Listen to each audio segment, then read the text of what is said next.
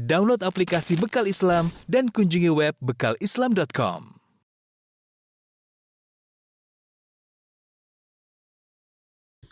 Bismillahirrahmanirrahim. Assalamualaikum warahmatullahi wabarakatuh. Alhamdulillahi ala ihsanih wa syukru lahu ala taufiqihi wa amtinanih wa asyhadu an la ilaha illallah wahdahu la syarika lahu ta'ziman li sya'nih wa asyhadu anna Muhammadan abduhu wa rasuluhu da'ila ridwanih. Allahumma salli alaihi wa ala alihi wa ashabi wa ikhwani. Para pemirsa yang dirahmati oleh Allah Subhanahu wa taala. Insyaallah pada kesempatan kali ini kita melanjutkan dari tafsir uh, surat Toha yang sudah pernah kita mulai uh, dari ayat 1 sampai ayat 23. Maka pada kesempatan kali ini kita melanjutkan dari ayat 24 ya sampai dengan yang Allah mudahkan bagi kita. Uh, pada pertemuan yang sebelumnya telah kita sampaikan bagaimana Allah Subhanahu wa taala memberikan mukjizat kepada Nabi Musa alaihissalam dengan dua mukjizat yaitu berupa tongkat yang bisa berubah menjadi ular, yang kedua adalah cahaya atau tangan yang jika dimasukkan di uh, di bawah ketiaknya maka akan keluar berwarna putih atau bercahaya. Setelah itu dengan modal mukjizat tersebut, maka Allah tugaskan Nabi Musa untuk pergi kepada Firaun. Kata Allah Subhanahu wa taala, "Idhhab ila Fir'auna innahu tagha." Ya. Wahai Musa, pergilah engkau kepada Firaun, sungguhnya dia telah melampaui batas. Tugas yang diberikan Allah kepada Nabi Musa sangatlah berat. Karena pergi kepada Firaun yang Musa sudah kenal betul siapa Firaun ya. Karena Musa pernah tinggal di Firaun semasa kecil. Tahu bagaimana kejamnya Firaun dan dia adalah penguasa terhebat di zaman itu. Ya, penguasa terhebat, penguasa terbengis, ya, penguasa tersombong, ya. Penguasa terkuat yang di mana pasukannya sangat banyak, semua terkumpulkan pada sosok Firaun. Kemudian pintar ngomong, kemudian pintar ngomong. Jadi kalau kita katakan raja bengis sempurna dialah Firaun ya. Sisi kekuatan, kemudian sisi kecerdasan, kemudian uh, dari sisi kesombongan, keangkuhan, ke kebengisan ya sampai Allah sebutkan di antara sifat Firaun kata Allah Subhanahu wa taala wa fir'auna dzil autad. Firaun yang memiliki tali-tali autad ya. Pasak-pasak yang sebenarnya menyebutkan bahwasanya Firaun kalau menyiksa orang yaitu dengan orang tersebut di letakkan tali di kedua tangannya, di kedua kakinya, kemudian ditarik sehingga lepas dari tubuhnya. Di antara tafsiran Zil Autad, ya. Artinya bengis Firaun ya. Bagaimana tidak bengis dia memperbudak Bani Israel. Dan ini diketahui betul oleh Musa karena Nabi Musa alaihissalam ketika semasa kecil hidup bersama uh, Firaun. Oleh karenanya ketika Allah mengutus Nabi Musa kepada Firaun tugas yang sangat berat. Idhab ila Fir'aun. Modalnya apa? Modalnya adalah dua mukjizat. Tongkat menjadi ular dan tangan bisa mengeluarkan cahaya. Kemudian tugasnya idhab ila Fir'auna innahu tagha. Pergilah engkau kepada Fir'aun. Sungguhnya Fir'aun telah melampaui batas. Ya. Ketika Nabi Musa diberi tugas untuk berdakwah kepada Fir'aun dan dia mengerti ini tugas yang sangat berat. Ya Nabi Musa tidak menolak ya, tidak menolak ya. Dia tidak menolak tugas tersebut. Tapi dia minta pertolongan Allah Subhanahu wa taala. Maka dia berdoa dengan doa yang masyhur yang dihafalkan oleh banyak orang yang sering kita baca juga. Rabbi shrah li sadri wa yassir li amri wahlul 'uqdatam min lisani yafqahu qawli. Waj'al li waziran min ahli Harun akhi usjud bihi azri wa asyirku fi amri. Ya artinya ya Allah lapangkanlah dadaku kemudian mudahkanlah urusanku. Kemudian hilangkan kekakuan ya dari lisanku. Yafqahu qawli agar mereka bisa memaham perkataanku. Dan jadikanlah uh, penolong pembantu untukku dari keluargaku. Harun akhi yaitu Harun saudaraku. Usdud bihi azri. Maka dengan Harun kuatkanlah ya kemampuanku. Wa asyriku fi amri sertakan dia dalam urusanku agar dia juga menjadi rasul dan berdakwah. Kai nusabbihaka katsiran agar kami bisa bertasbih kepada Engkau yang banyak wa nadhkuraka katsiran dan kami banyak menyebut-nyebut Engkau innaka kunta bina basira. Sungguhnya Engkau Maha melihat kami. Uh, di sini ketika Nabi Musa diperintahkan Allah untuk berdakwah kepada Firaun, maka dia berdoa. Dia buka doanya dengan Rabbi syrah li sadri. Ya Allah, lapangkanlah dadaku. Ini doa yang pertama kali diminta oleh Nabi Musa alaihissalam. Lapangnya dada. Ya, karena kalau seorang dadanya sudah lapang, pikirannya tenang, ya, maka dia bisa menghadapi banyak urusan. Ya, urusan yang berat bisa menjadi ringan. Ya, urusan yang genting bisa dihadapi dengan tenang. Dan itu yang dihadapi oleh Nabi Musa alaihissalam mengenai banyak kegentingan tapi dia tenang. Kenapa? Allah sudah ya melapangkan dadanya. Bahkan tatkala dalam puncak-puncak ketegangan tatkala Nabi Musa sudah dikejar oleh Firaun dan di hadapan Nabi Musa dan pengikutnya laut merah sementara di belakangnya bala tentara Firaun ketika ada seorang pengikut Nabi Musa mengatakan innal mudrakun kita akan ketangkap akan tersusul oleh Firaun dan bala tentaranya Nabi Musa dengan tenangnya mengatakan inna ma'iya rabbi sayahdin bersamaku Allah dia akan beri petunjuk kepadaku. Ya benar-benar Allah lapangkan dadanya. Rabbi syrah li sadri. Ya, ya Allah lapangkanlah dadaku. Ya, kenapa? Aku butuh lapang dada ya untuk bisa memahami apa yang kau wahyukan kepadaku. Aku butuh berlapang dada agar aku bisa berbicara dengan Firaun, berani untuk berbicara dengan Firaun. Dan aku bisa berlapang dada tatkala diberi gangguan ya oleh Firaun dan bala tentaranya. Ini sebagian ulama menyebutkan ini maksudnya tiga ini berlapang dada dalam menerima wahyu dari Allah, perintah-perintah Allah, berlapang dada dalam menyampaikan agar bisa berbicara dengan Firaun butuh keberanian dan berlapang dada untuk menerima gangguan yang akan diberikan oleh Firaun dan bala tentaranya. Dan ini doa yang pertama. Baru kemudian Nabi Musa berdoa yasirli amri. Mudahkanlah urusanku ya. Karena saya katakan tadi kalau dada tidak lapang, urusan ringan akan terasa berat. Ya, kita sering mengalami demikian. Kita lagi pusing, lagi stres, kemudian menghadapi urusan urusan sepele. Maka kita merasakan itu perkara yang berat. Kenapa dada kita tidak lapang menjalaninya? Ya, tapi kalau dada kita lapang, perkara berat, kita tulus, kita ikhlas, maka meskipun berat kita akan jalani. Kenapa? Dada kita lapang dalam menjalankan pekerjaan atau tugas tersebut. Maka ini yang paling penting lapangnya dada. Lapangnya dada ya. Sebenarnya orang kalau dadanya sudah lapang, mau menghadapi apa saja dia bisa tenang ya mau didolimi orang mau dikata-katain orang mau dihina orang mau dijatuhkan orang ya dadanya lapang ya. Dia bisa menghadapi segalanya dengan baik. Baru setelah meminta dada dilapangkan baru kemudian Nabi Musa berdoa wa yasir li amri. Mudahkanlah urusanku ya. Karena ini perkara yang tidak tidak ringan untuk mendakwahi Firaun dan bala tentaranya. Setelah itu Nabi Musa berkata wahlul uqdatam min lisani.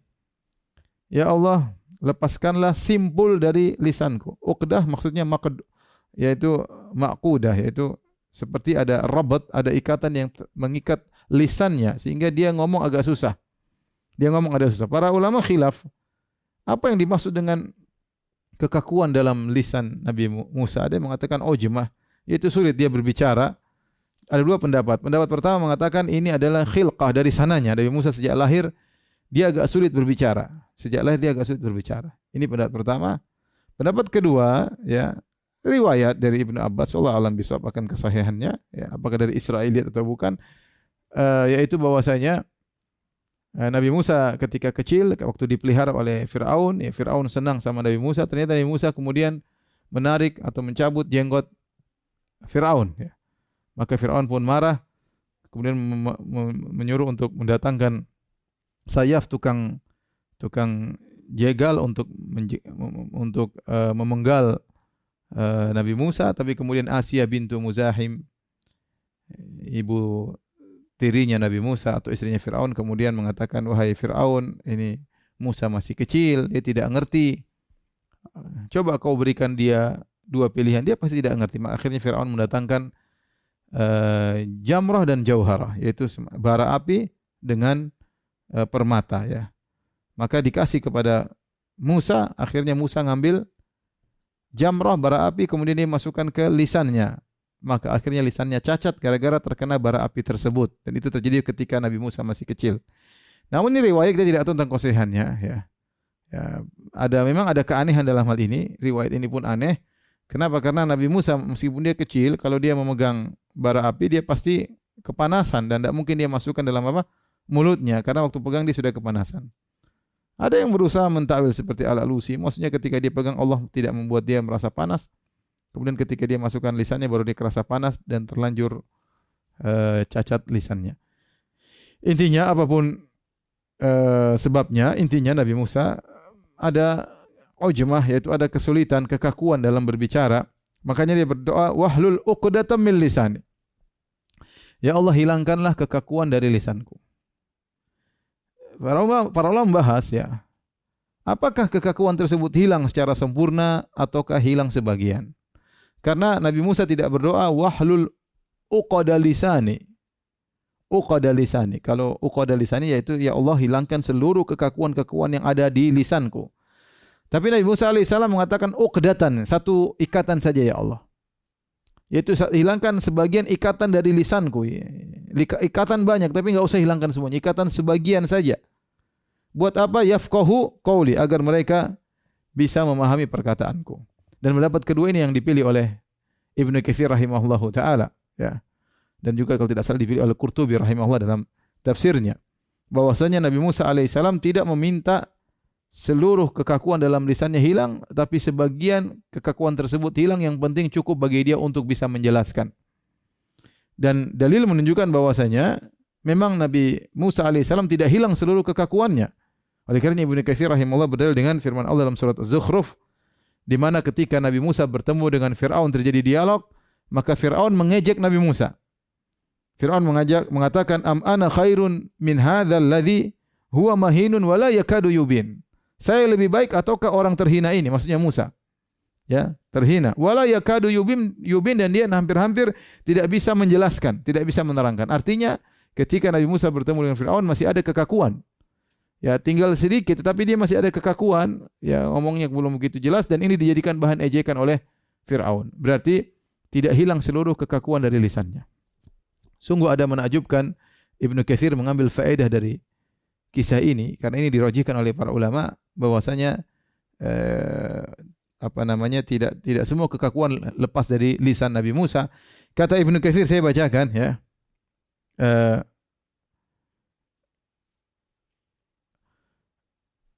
Ma sa'ala an yazula dzalika bil kulliyah bal bihaitsu yazulul ayyu.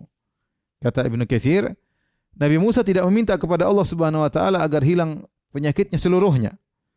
Bal bihaitsu yazulul ayyu. Tetapi yang penting kekakuan itu hilang sehingga dia bisa berbicara. Wa yahsulu lahum fahmu ma yuridu minhu. Yang penting mereka paham apa yang dia sampaikan. Wa huwa qadrul hajah. Yang itu yang dibutuhkan dari eh, apa yang dia minta kepada Allah Subhanahu wa taala. Ya. Kata Ibnu Katsir, walau sa'al al-jami' la zala. Seandainya dia minta hilang seluruh kekakuan, Allah akan hilangkan. Walakinnal anbiya la yas'aluna illa bihasabil hajah. Tetapi demikianlah para nabi. Mereka tidak minta kepada Allah kecuali sesuai dengan keperluan. Walihada baqiyat baqiyatun. Oleh karenanya masih tersisa kekakuan di lisan uh, Nabi Musa. Subhanallah.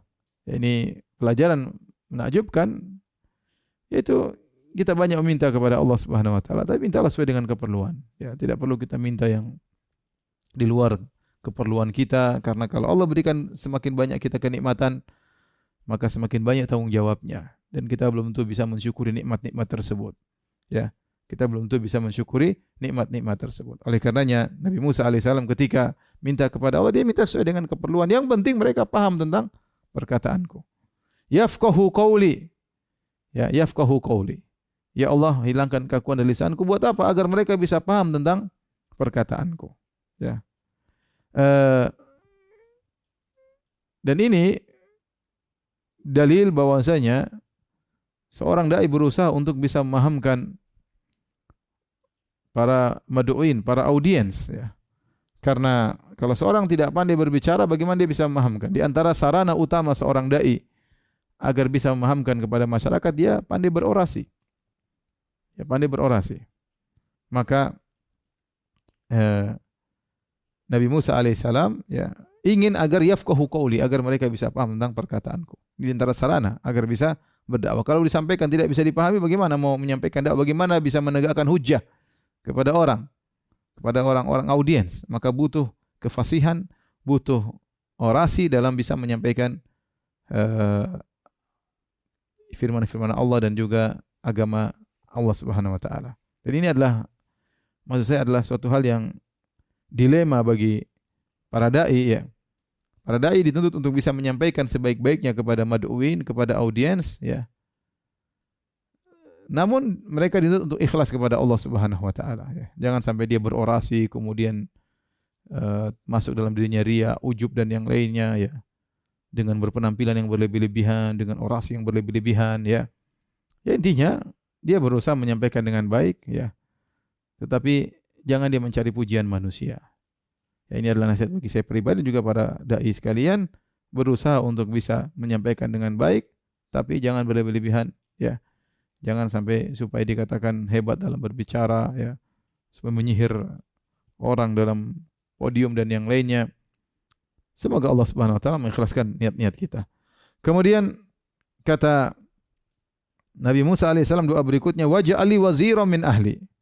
Ya Allah, ya berikanlah aku wazir. Wazir kalau bahasa kita sekarang menteri, yaitu seorang yang menjadi tangan kananku yang membantuku min ahli dari keluargaku. Siapa? Harun akhi, yaitu Harun. Harun alaihissalam seorang nabi yang mulia dan disebut oleh para ulama Harun alaihissalam dia lebih tua daripada Nabi Musa setahun, setahun lebih tua. Ada yang mengatakan tiga tahun lebih tua daripada Nabi Musa. Jadi Harun kakaknya Nabi Musa. Sama-sama Musa bin Imran, Harun bin Imran.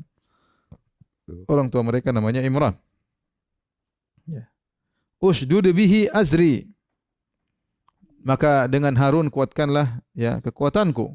Wa asyriku fi amri wa asyriku fi amri dan sertakanlah dijadikan dia sekutu bagiku dalam urusanku. Yaitu dalam masalah dakwah dalam masalah risalah kerasulan dan kenabian. Artinya seakan-akan Nabi Musa berkata ya Allah sebagaimana engkau mengutusku untuk berdakwah kepada Firaun maka utuslah kakakku Harun juga untuk berdakwah kepada Firaun. Ya kemudian Allah Subhanahu wa taala mengabulkan doa Nabi Musa kata Allah Subhanahu wa taala Qala qad utita su'laka ya Musa, telah dikabulkan permintaanmu wahai Musa. Subhanallah dan ini Nabi Musa adalah seorang yang sangat berbuat baik dengan kerabatnya, dengan kakaknya. Dia perhatian sama kakaknya. Ya. Dan dia percaya dia kenal betul siapa kakaknya. Bekerja sama dengan kakaknya dan dia minta kepada Allah agar kakaknya dijadikan rasul seperti dia. Inna rasula rabbik ya. Kami adalah utusan Allah kata Nabi Musa yaitu saya dan Harun utusan Allah Subhanahu wa taala. Dan dan ini menunjukkan Nabi Musa alaihissalam ya adalah seorang yang sangat mulia di sisi Allah. Makanya kata Allah Subhanahu wa taala wa kana indallahi wajiha. Nabi Musa alaihissalam memiliki kedudukan di sisi Allah. Di antara bukti kedudukan Nabi Musa di sisi Allah, dia minta kepada Allah agar Allah menjadikan Harun sebagai nabi seperti dia. Dan Allah kabulkan. Qala qad utita su'laka ya Musa telah dikabulkan permohonan wahai Musa. Kita mengerti bahwasanya tidak semua doa kita dikabulkan. Betapa sering kita berdoa agar misalnya anak-anak kita menjadi anak-anak yang soleh, hafiz Quran misalnya, atau uh, kawan kita menjadi dapat hidayah, ternyata tidak dikabulkan. Ya, ternyata tidak dikabulkan. Ini Nabi Musa alaihissalam minta kepada Allah bukan cuma agar Harun dapat hidayah, bahkan Harun jadi nabi. minta minta Harun jadi nabi. Dan Allah kabulkan. Langsung Allah mengatakan qala qad utita su'laka ya Musa. Dikabulkan permintaan. Ini menunjukkan Musa alaihissalam memiliki kedudukan yang tinggi sampai minta Allah angkat Harun menjadi nabi dikabulkan oleh Allah Subhanahu wa taala. Dan Harun tidak ada seorang memiliki jasa paling besar kepada saudaranya, saudara kandungnya seperti jasa Musa kepada Harun. Tidak ada seorang punya hutang budi kepada saudaranya seperti hutang budinya Harun kepada Musa alaihissalam. Kenapa? Karena dengan doa dari adiknya Musa dia menjadi seorang nabi. Nah, ini perlu bagi kita untuk saling mendoakan antara kakak dan adik kita ya. Ya. Kita doakan saudara kita, kakak adik kita. Karena mereka butuh dengan doa dari seorang yang tulus dan orang yang tulus di antara yang mendoakan kita adalah kakak dan adik kita. Kita pun demikian kita doakan kakak dan adik kita sebagaimana Musa mendoakan kakaknya Harun. Kemudian kata Nabi Musa alaihissalam, Kai nusabbihaka katsira. Angkatlah dia juga menjadi rasul seperti aku. Buat apa nusabbihaka katsira?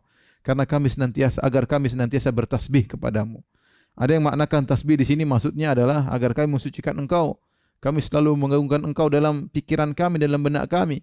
ya bahwasanya engkau maha suci dari segala kekurangan. Ada yang mengatakan tasbih di sini maksudnya beribadah agar kami beribadah kepada engkau. Ya. Wa nadhkuruka katsira agar kami bisa banyak mengingat engkau. Agar kami banyak mengingat mengingat engkau. Subhanallah. Nabi Musa tujuannya adalah agar banyak mengingat Allah Subhanahu wa taala. Ini dalil juga bahwasanya kalau seorang diberi tugas yang berat, maka hendaknya dia banyak bertasbih dan banyak berzikir kepada Allah Subhanahu wa taala sebagaimana Nabi Musa alaihissalam. Jadi saya gambarkan saya gambarkan bosnya tugas Musa ini berat banget. Nanti akan kita jelaskan ini Musa dulu pernah melakukan kesalahan di zaman Firaun, kemudian dia kabur, kemudian dia disuruh balik untuk berdakwah, bertemu dengan sosok yang sangat mengerikan seperti Firaun, maka dia butuh pertolongan dari Allah, di antaranya dia dengan banyak bertasbih dan banyak berzikir kepada Allah Subhanahu wa taala. Oleh karenanya banyak bertasbih dan banyak berzikir adalah salah satu tujuan para anbiya, para nabi. Orang semakin banyak mengingat Allah, semakin uh, mulia. Semakin orang banyak mengingat Allah, fazkuruni azkurkum. Kata Allah, ingatlah aku, aku akan ingat kalian. Ya, ya. Kalau banyak ingat manusia, bikin penyakit. Banyak ingat Allah, bikin kebahagiaan. Taib. Innaka kunta basira. Innaka kunta bina basira. Ya Allah, sungguhnya Engkau Maha melihat ya basirah terhadap kami. Yaitu setelah Nabi Musa mengajukan permohonannya, beliau tutup dengan pernyataan bertawassul kepada Allah Maha melihat, innaka kunta bina basira. Ya Allah, karena Engkau Maha melihat kami. Artinya Engkau lebih mengetahui tentang diri kami daripada kami sendiri. Ya. Kata As-Sa'di rahimahullah, ta'lamu halana. Ya Allah engkau tahu bagaimana kondisi kami. Wa dha'fana. Engkau tahu bagaimana kelemahan kami. Wa ajzana. Dan engkau tahu bagaimana ketidakmampuan kami. Wa iftirqarana ilaik. Dan engkau tahu bagaimana kami sangat butuh kepada engkau ya Allah fi kullil umur dalam segala urusan. Wa anta absaru minna min anfusina. Engkau lebih tahu tentang diri kami daripada diri kami sendiri. Wa arham. Dan engkau lebih sayang kepada kami daripada diri kami sendiri. Famunna alaina bima sa'alnak. Maka anugerahkanlah kepada kami ya apa yang kami mohon kepada engkau. Allah katakan, Qala qad utita su'laka ya Musa. Telah dia dikabulkan kepada engkau su'laka permintaanmu wahai Musa. Su'la su'lun kata para ulama dia lebih lebih dalam daripada sekedar su'alun ya. Kalau soal permintaan, kalau su'lun itu umniyah yaitu harapan ya yang hati benar-benar ingin lebih dalam ya. Oleh karena sebagian ahli bahasa mengatakan su'lun lebih dalam daripada su'alun. Maknanya sama-sama mohon, tapi su'lun itu umniyah, ya, permohonan yang dalam. Al-haja allati tahrisu nafsu 'alaiha, itu keperluan yang jiwa ingin sekali untuk bisa meraihnya. Uh, taib.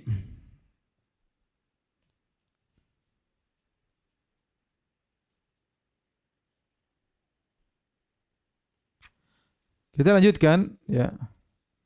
Ayat berikutnya.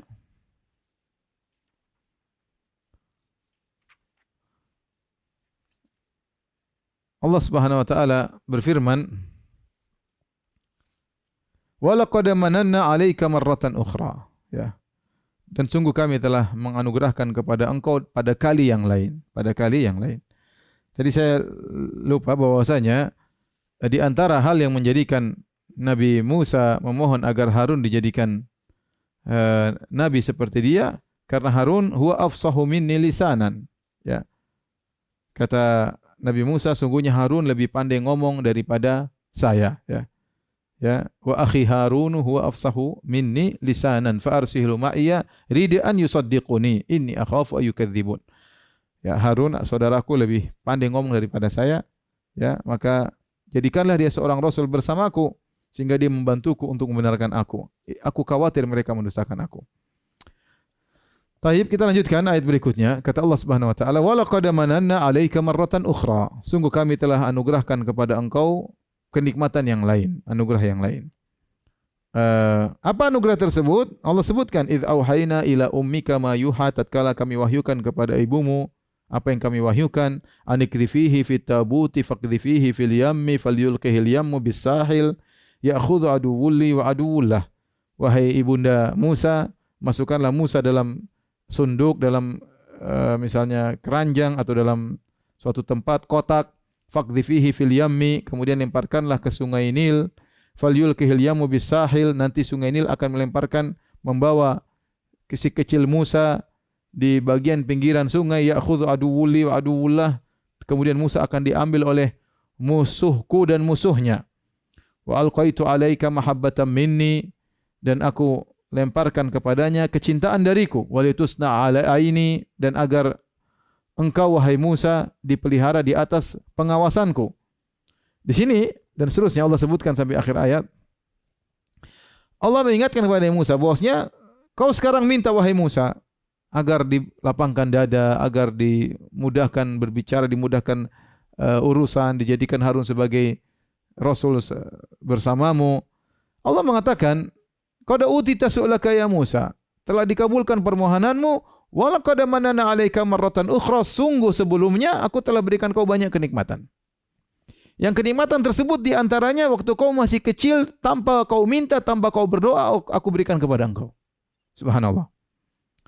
Jadi Allah ingin menjelaskan wahai Musa, aku ini perhatian sama engkau. Sampai-sampai dulu waktu kau masih kecil aku sudah perhatian. Kau tidak ada yang tidak ada yang minta untuk menolongmu, tidak ada yang berdoa kepadaku untuk menolongmu. Tapi Allah yang menolong. Bagaimana lagi sekarang kalau kau minta? Seakan-akan Allah mengatakan dulu saja aku menolong engkau sebelum kau minta, apalagi sekarang kau minta kepadaku, tentu aku akan menolongmu. Maka Allah sebutkan nikmat-nikmat yang Allah berikan kepada Nabi Musa. Di antaranya, waktu kau masih kecil, ketika tentara Firaun ingin membunuh anak-anak Bani Israel, ya, dan kau lahir, apa yang Allah katakan supaya kau selamat. Id auhayna ila ummika ma. Tatkala kami wahyukan kepada ibumu, kami ilhamkan kepada ibumu ma yuha apa yang diilhamkan. Ibu Nabi Musa waktu melahirkan Nabi Musa dia bingung. Bayangkan bayi yang sudah dalam perutnya selama sembilan bulan ya.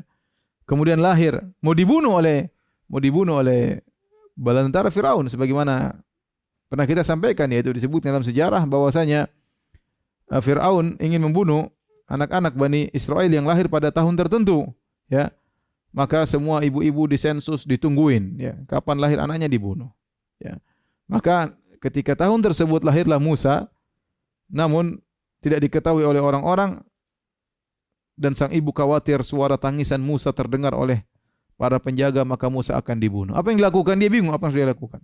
Maka Allah mengilhamkan, masukkan aja ke dalam sunduk. Lepaskanlah ke sungai Nil. Subhanallah. Bayi masukkan.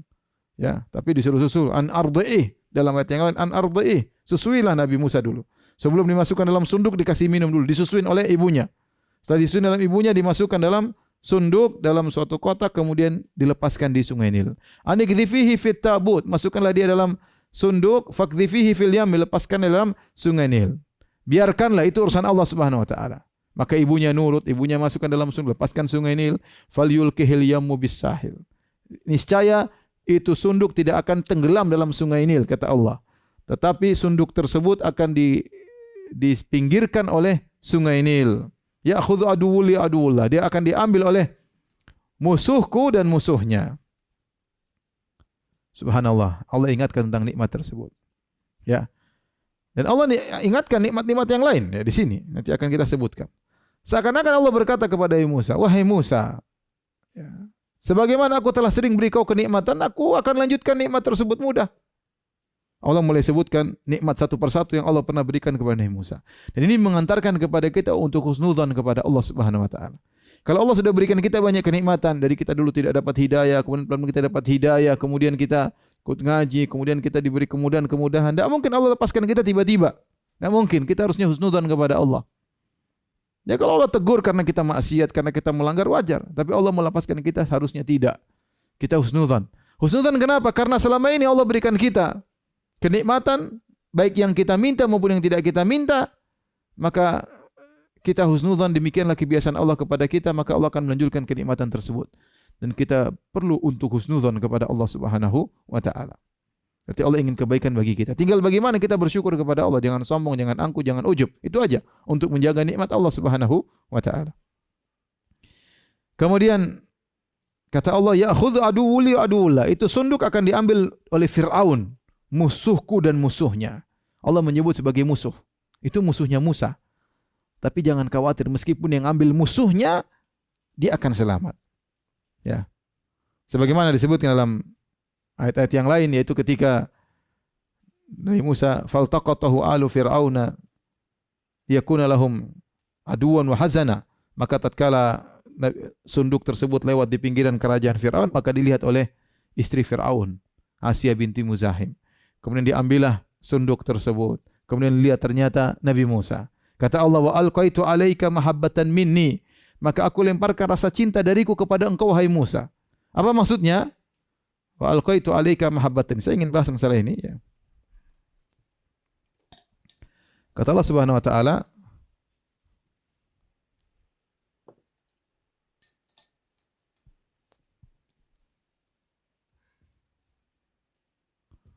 wa alqaitu alaika mahabbatan minni. Ya. Itu aku lemparkan kepada engkau, aku lemparkan kepada engkau Musa. Ya. Aku berikan ya maksudnya berikan kepadamu. Kepada kepadamu. Rasa cinta. Atau kecintaan. Mahabbah artinya kecintaan. Dariku. Nah di sini yang pertama yang perlu kita ingat Allah Subhanahu wa taala menggunakan tanwin, mahabbatan. Tanwin nakirah dalam bahasa Arab terkadang fungsinya untuk ada beberapa fungsi, ada fungsinya untuk takfir, untuk menunjukkan banyak, terkadang menunjukkan taklil, menunjukkan sedikit, terkadang menunjukkan tafkhim, perkara itu besar, terkadang menunjukkan tahkir untuk penghinaan. Dan itu dilihat daripada konteks. Allah tidak mengatakan wa alqaitu alaika mahabbati tidak langsung diidhafahkan. Aku melemparkan kepada engkau kecintaanku. Tapi Allah pisahkan antara minni dengan mahabbatan. Mahabbatan minni Allah datangkan dalam nakirah. Sebagian ulama mengatakan untuk tafkhim bahwasanya Allah melemparkan kepada Musa kecintaan yang besar. Ya, bukan sembarang cinta, cinta yang yang besar. Ya, dan ini pembahasan masalah nakirah punya banyak faedah dibahas oleh para ahli tafsir. Namun di dalam ayat ini, mahabbatan ini maksudnya kecintaan yang besar dari Allah Allah berikan kepada Musa. Nah, kecintaan ini ada khilaf. Apa maksudnya? Ada dua pendapat. Pendapat pertama, pendapat pertama bahwasanya maksudnya Allah cinta kepada Nabi Musa. Musa alaihissalam. Yang kedua maksudnya Allah menjadikan orang yang melihat Musa mencintainya.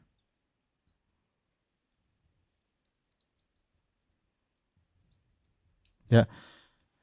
Ini dua pendapat di kalangan para ulama. Yang pertama maksudnya Allah yang cinta kepada Nabi Musa. Yang kedua Allah menjadikan orang yang lihat Nabi Musa langsung cinta kepada Nabi Musa. Dan pendapat yang raji wallahu alam bisawab bahwasanya adalah kedua-duanya ya dan ini pendapat Ibnu Abbas radhiyallahu taala anhuma Ibnu Abbas berkata ahabbahu wa habbabahu ila khalqihi Kata Ibn Abbas radhiyallahu taala anhuma ahabbahu wa habbabahu ila khalqihi. Yang artinya Allah mencintai Nabi Musa dan menjadikan hamba-hamba Allah cinta kepada Nabi Musa. Dua-duanya benar. Dan ini sebagian dalam hadis ya, innallaha idza ahabba abdan nada Jibril. Jika seorang sudah jika Allah mencintai seorang Allah panggil Jibril alaihissalam. Kemudian Allah berkata, "Ya Jibril, ini ahbabtu fulanan fa ahibbah." Wahai Jibril, aku mencintai si fulan, maka cintailah dia. Ya. Kemudian Allah meletakkan rasa cinta kepada makhluk di atas muka bumi untuk mencintai orang yang Allah cintai tersebut. Intinya, setiap orang yang melihat Nabi Musa akan cinta kepada Nabi Musa. Di antaranya istri Fir'aun. Ketika dia mendapat kotak tersebut, ya, dia melihat Nabi Musa, si kecil Musa, ya. Bentuk tubuhnya seperti orang-orang Bani Israel, warna kulitnya berbeda dengan sukunya Firaun. Suku Firaun suku Akbat. Yang harusnya ini dibunuh ternyata tidak. Uh, istrinya Firaun langsung cinta kepada Nabi Musa, ya. Bahkan tatkala Firaun ingin bunuh ini anak ini anak Bani Israel, kita bunuh saja. Kata istri Firaun, "La taqtuluhu." Asa an yanfana aw natakhidahu walada. Jangan kau bunuh dia, bisa jadi jadi anak angkat kita atau bermanfaat bagi kita. Akhirnya dijadikan anak angkat. Dan Firaun juga sayang kepada Musa. Firaun sayang kepada Nabi Musa. Ya. Oleh karena tadi disebutkan sampai Firaun digen Firaun menggendong Nabi Musa, sampai Musa mencabut jenggot Firaun ya. Intinya Allah menjadikan orang-orang yang melihat Nabi Musa maka sayang kepada Nabi Musa. Tertarik begitu melihat Nabi Musa langsung simpati. Kenapa Allah yang bikin seperti itu? Selain Allah mencintai Nabi Musa, Allah juga menjadikan orang-orang yang melihat Nabi Musa cinta kepadanya. Taib, uh, kata Allah Subhanahu wa taala walitusna'a ala aini agar kau dirawat, diberi makan, dirawat dalam pengawasanku. Itu Allah senantiasa mengawasi Nabi Musa bagaimana perjalanan hidupnya. Ya. Istamshi ukhtuka fataqulu hal adullukum ala ma yakfulu. Akhirnya Musa kecil tersebut dipungut oleh Firaun. Firaun pun sayang kepada Musa. Istrinya pun sayang kepada Musa. Akhirnya Nabi Musa lapar menangis, butuh minum. Maka akhirnya dikasih panggil orang-orang untuk menyusui Nabi Musa. Tidak ada yang bisa menyusui Nabi Musa. Setiap wanita, ibu-ibu didatangkan menyusui Nabi Musa, Nabi Musa menolak. Tidak mau menyusui, tidak mau menyusui. Ya Firaun tidak sombong, ya buang aja nih anak, bunuh saja. Enggak. Firaun sayang karena wa alqaitu alaika mahabbatan minni. Aku menjadikan orang cinta kepada engkau wahai Musa. Firaun yang begi, yang begitu bengis, yang begitu sombong, yang begitu angkuh disibukkan ngurusin si kecil Musa. Dipanggillah ibu-ibu sekota Mesir untuk menyusui Nabi Musa. Tidak ada yang bisa menyusui Nabi Musa. Kenapa? Karena Allah Subhanahu wa taala mengatakan wa haramna alaihil maradi amin qabl kami telah menjadikan Nabi Musa tidak bisa menyusui dari ibu-ibu sebelumnya. Nabi Musa sebelum diletakkan oleh ibunya dalam sunduk, dalam kotak, dilepaskan di sungai Nil, kata Allah, an ardi'ih, susuilah dulu. Nabi Musa sudah hafal air susu ibunya. Sudah hafal air susu ibunya, sehingga kalau tidak pas dapat air susu ibunya, dia nggak mau. Subhanallah, sekecil Nabi Musa alaihissalam akhirnya disui oleh ibu-ibu seluruhnya, namun tidak ada yang dimaui oleh Nabi Musa. Ternyata kakaknya Nabi Musa ya mengikuti perjalanan sunduk tadi. Oh, itu kotak diambil oleh kemudian heboh ada anak angkat Fir'aun, kerajaan Mesir heboh, dipanggillah ibu-ibu satu Mesir untuk nyusui, enggak ada yang bisa. Datanglah kakaknya dia mengatakan, "Ihtamshi ukhtuka fatakulu hal adullukum ala ma yakfulu." Maka kakakmu datang, kakak perempuanmu datang berkata kepada Fir'aun dan keluarganya, "Maukah aku tunjukkan kepada kalian siapa yang bisa mengayomi si bayi ini? Ya, mereka senang, oh ya siapa, siapa, siapa, subhanallah. Siapa? Ibunya sendiri. Kata Allah, faraja'naka ila umika kai ainuha. Kami kembalikan engkau wahai Musa kepada ibumu, kai taqarra ainuha agar dia ya bisa tentram. Qarar artinya tentram, dingin, yang tadinya panas, sedih dan yang lainnya, ya. Ibunya tadinya sedih. Sebenarnya mengatakan bahwasanya itu waktu tidak tidak lama, pagi sore sudah kembali lagi. Pagi dia lepaskan Nabi Musa atau lepaskan Nabi Musa di Sungai Nil, sore atau malam atau hari itu juga sudah kembali kepada pangkuannya. Tapi kali ini kembalinya dengan luar biasa. Ya, ibunya dipanggil oleh Firaun untuk tinggal di kerajaan Firaun sebagai perawat khusus Musa, padahal ini anaknya sendiri. Anaknya sendiri. Dan ini hikmah dari Allah luar biasa. Ya, bagaimana musuhnya yang ingin bunuh dia ternyata yang merawat kehidupannya. Ya, ternyata mengayomi ibunya. Terkait ternyata istilah bahasa kita eh, apa namanya uh, apa namanya merawat singa yang akan menerkam dia di kemudian hari. Ya. Jadi kalau tatkala seorang tunduk kepada perintah Allah Subhanahu wa taala, terkadang Allah membawakan kebaikan kepada seorang tanpa dia sadari karena Allah Al-Latif. Di, di antara makna Al-Latif yaitu seorang Allah memberikan kepada dia kebaikan tanpa dia sadari atau Allah menghilangkan menjauhkan dia dari keburukan tanpa dia sadari. Itu di antara makna Al-Latif. Ya. Seandainya ibunya Nabi Musa tidak nurut kepada Allah, kemudian bingung cari jalan sendiri, maka Musa akan ketangkap, dibunuh, ibunya juga mungkin dibunuh. Ya. Atau kalau dia bisa sembunyikan Musa, sembunyi-sembunyi tidak ketahuan, maka dia akan hidup sengsara. Ngerawat anaknya dengan penuh kesengsaraan, dengan kemiskinan. Tapi sekarang kondisinya berbeda. Ibunya dipanggil tinggal di kerajaan, digaji oleh Firaun untuk nyusui anaknya sendiri. Nabi Musa hidup dengan sehat, makan di kerajaan jadi orang yang kuat, yang gagah.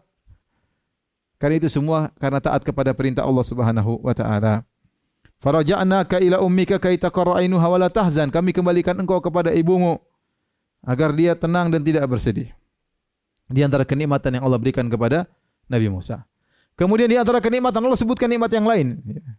Wa qatalta nafsan fanajjaynaka minal ghammi wa fatannaka futuna. Wahai Musa, Kau dulu pernah membunuh salah seorang Kipti waktu di Mesir sebagaimana Allah sebutkan dalam surat Al-Qasas.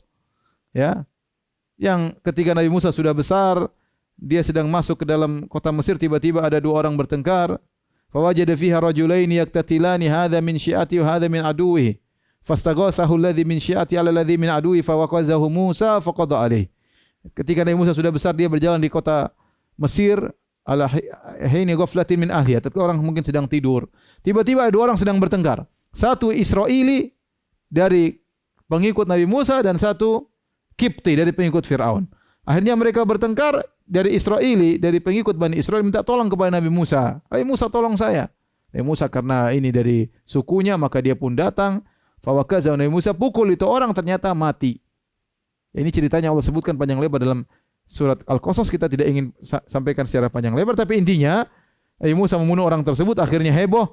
Nabi Musa akhirnya dikejar, dicari-cari. Innal mala'a ya'tamiruna bika liyaqtuluk. Sungguhnya orang-orang sedang berkumpul rapat untuk membunuh engkau wahai Musa. Keluarlah engkau dari Mesir. Inilah kami nasin. Aku nasihat engkau keluar dari Mesir. Ada orang datang nasihat Musa. Akhirnya Musa pun pergi meninggalkan kota Mesir dengan penuh kegelisahan, dengan penuh kekhawatiran. Ya. Sampai kata Allah Subhanahu Wa Taala, ya, uh, Nabi Musa ketakutan. Fasbaha khai apa namanya minha khaifan yat khaifan yataraqqab kata Allah khaifan yataraqqab. Ya. Nabi Musa khaifan yataraqqab itu ketakutan, kekhawatiran kapan-kapan saja keburukan bisa menimpanya. Mungkin ini, mungkin ini kekhawatiran luar biasa. Tapi Allah selamatkan Nabi Musa. Nabi Musa kemudian pergi ke Madian ya dalam surat Al-Qasas. Kemudian Nabi Musa akhirnya menikah dengan salah seorang wanita di sana, putri dari seorang hamba soleh. Kemudian Nabi Musa bekerja di sana 8 tahun 10 tahun. Nabi Musa dihilangkan kegelisahannya, kekhawatirannya. Dan itu di antara nikmat yang Allah berikan kepada Nabi Musa. Kata Allah, ya, wa qatalta nafsan. Engkau telah membunuh seorang dari pengikut-pengikut Firaun. Fanajjainaka minal ghammi dan kami selamatkan engkau dari kekhawatiran kegelisahan. Bayangkan Musa sendiri sementara pengikut Firaun banyak namun dia lolos pergi ke negeri Madian. Wa fatannaka futuna dan di antara nikmat yang aku berikan kepada engkau hai Musa, engkau diberi fitnah, diberi ujian-ujian dan kau lulus dari ujian tersebut wa fatannaka futuna. Itu kami berikan kepada engkau berbagai macam-macam ujian.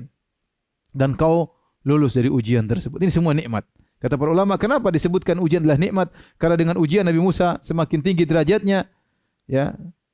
Dengan ujian maka Nabi Musa ya semakin diberi pahala yang banyak oleh Allah Subhanahu wa taala, maka itu di antara nikmat. Oleh karena di antara nikmat seorang diberi ujian dan dia lolos dari ujian tersebut. Itu nikmat. Betapa banyak orang diberi ujian kemudian tenggelam dalam ujian tersebut. Ya. Dan betapa banyak orang juga diberi ujian, sebagian orang diberi ujian dia lolos dari ujian tersebut. Seorang lolosnya seorang dari ujian itu nikmat yang harus diingat-ingat oleh seseorang. Kemudian kata Allah, "Falabithta sinina fi ahli Madian." Dan engkau tinggal bertahun-tahun di negeri Madian ketika kau menikah dengan seorang wanita di sana, kau menggembalakan kambing di sana, tinggal 8 tahun sampai 10 tahun di sana. Thumma ji'ta ala qadari ya Musa, Kemudian kau datang sekarang di Bukit Tursina ala qadarin. Sesuai dengan takdir sudah saya tentukan. Maksudnya Allah menjelaskan, wahai Musa, ceritamu kau sampai ketemu aku di sini di Bukit Tursina. Aku memberi wahyu kepadamu. Itu bukan kejadian tiba-tiba tanpa sengaja. Tapi sudah diatur oleh Allah. Ceritanya kau lahir begini, akan di pelihara oleh Fir'aun begini, kau akan membunuh seorang, kau akan pergi, kau akan kabur, kau akan dikejar, kau akan tinggal di Madian, kau akan menikah dengan seorang wanita, kau tinggal 10 tahun. Sekarang tepat umurmu 40 tahun, aku angkat engkau menjadi seorang nabi. Pas umur 40 tahun Allah sudah atur Nabi Musa pergi ke Bukit Tursina untuk mendapat wahyu bertemu dengan Allah Subhanahu wa taala. Itu semua ala qadar. Itu semua sudah ditentukan. Bukan kejadian yang tiba-tiba, bukan kejadian yang tanpa ditakdirkan sebelumnya tanpa diskenariokan oleh Allah sebelumnya. Tidak, semuanya sudah Allah atur ceritanya. Makanya Allah mengatakan, "Tsumma ji'ta." Kau datang saat ini, saat ini menerima wahyu dariku ala qadarin, sesuai dengan takdir wahai Musa. Wastana'tuka li nafsi. Dan aku ya memberikan kebaikan kepadamu untuk diriku ya. Para pemirsa yang dirahmati oleh Allah Subhanahu wa taala, uh,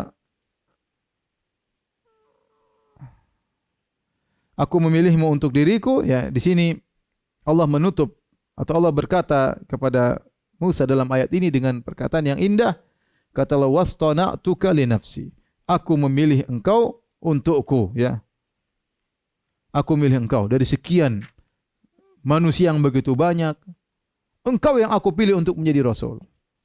Perhatikan di sini, sebelumnya Allah menggunakan domir kata ganti kami.